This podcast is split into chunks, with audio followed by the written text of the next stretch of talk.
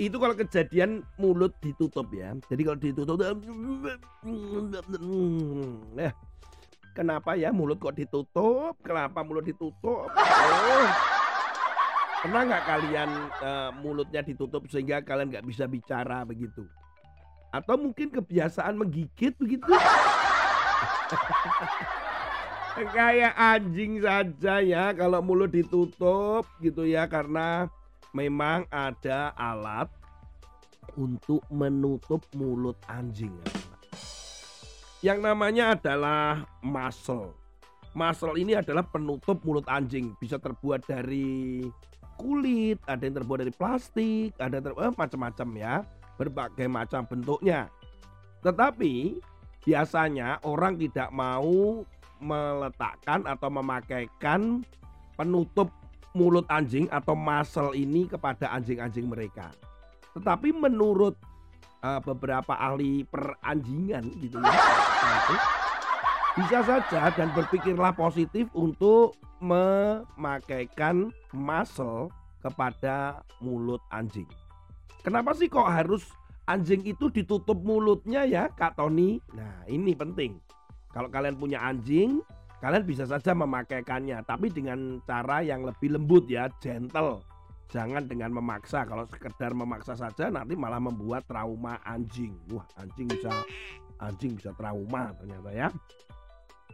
Menurut ahli peranjingan atau hewan-hewan yang terkait dengan anjing ini, ada hal positif bahwa kenapa ketika jalan-jalan misalkan harus dipakaikan muscle. Yang pertama, supaya hubungan antara pemilik anjing dengan anjing itu lebih dekat. Loh kok bisa Kak Tony? Karena ketika anjing itu diberi muscle, orang itu tidak berani mendekat, orang lain nggak berani mendekat. Jadi hubungan antara pemilik anjing yang membawa anjing dengan anjingnya jadi dekat kan berduaan terus. Nah, perlu diganggu anjing lain atau orang lain karena mereka pasti takut ada apa ini kok mulutnya ditutup. Nah gitu.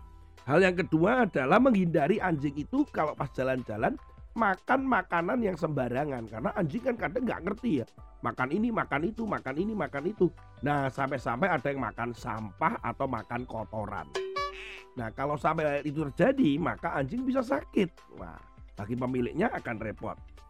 Yang ketiga adalah menghindari bahwa anjing ini menggigit orang lain. Apabila ada pengalaman atau riwayat yang saat itu di masa lalunya itu anjing suka menggigit-menggigit gitu kan. Nah, oleh karena itu perlu diberi masuk supaya tidak mengganggu atau menggigit orang lain. Hal yang keempat, ini dipakaikan kalau ke dokter katanya. Ke dokter hewan tentunya ya, bukan dokter manusia. Kalau ke dokter anjing atau dokter hewan dipakaikan supaya anjing ini menjadi lebih tenang kalau dia dibuka dia akan gigit sana gigit sini kemudian dia akan menggonggong dan sebagainya. Itu menunjukkan dia stres dan takut. Tapi ketika diberikan muscle itu menjadi lebih tenang. Ya itulah.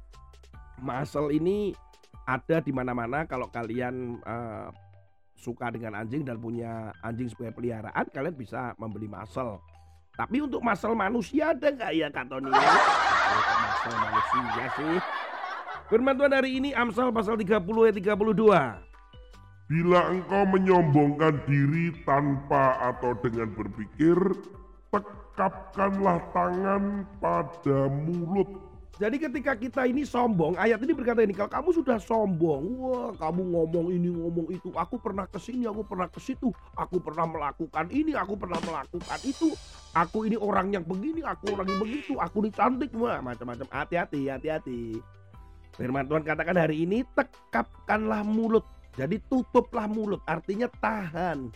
Jangan membiarkan kesombonganmu terus disampaikan kepada orang lain. Sepertinya orang lain itu kamu minta, kalian minta untuk memuja kamu, meng, me, wah, pokoknya kagum dengan dirimu. Nah ini mulai kesombongan. Ini harus hati-hati loh anak-anak. Hal-hal seperti ini dikatakan kita harus mengendalikan diri. Kita harus punya muscle. Itu kan untuk anjing ya. Kita harus berani untuk mengatakan hentikan di dalam diri kita. Supaya kita tidak meneruskan kesombongan-kesombongan kita. Termasuk kalau kita ini rakus. suka makan ini, suka makan itu aja tutup mulutnya. Jangan suka makan ini juga sama suka makan itu. Kalau anjing aja dia ditahan supaya tidak makan sampah, tidak makan kotoran. Kalian juga tidak bisa sembarangan boleh makan.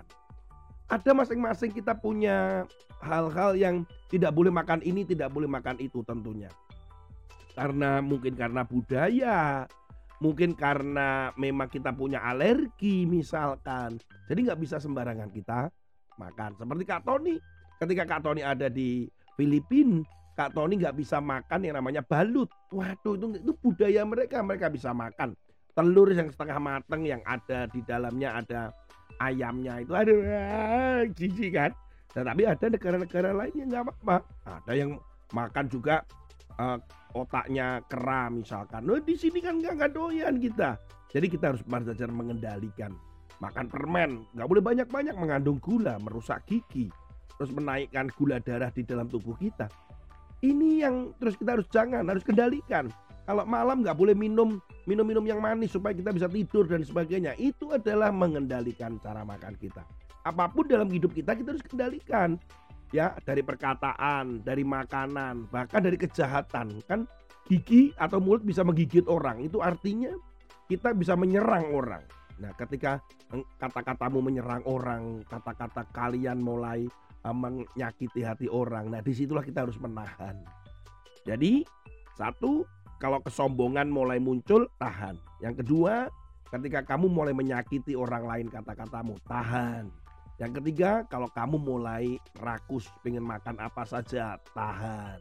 Ya, Tuhan Yesus memberkati tiga hal itu kita harus punya muscle. Yesus memberkati sampai ketemu pada episode yang lain dengan Kak Tony. Amin.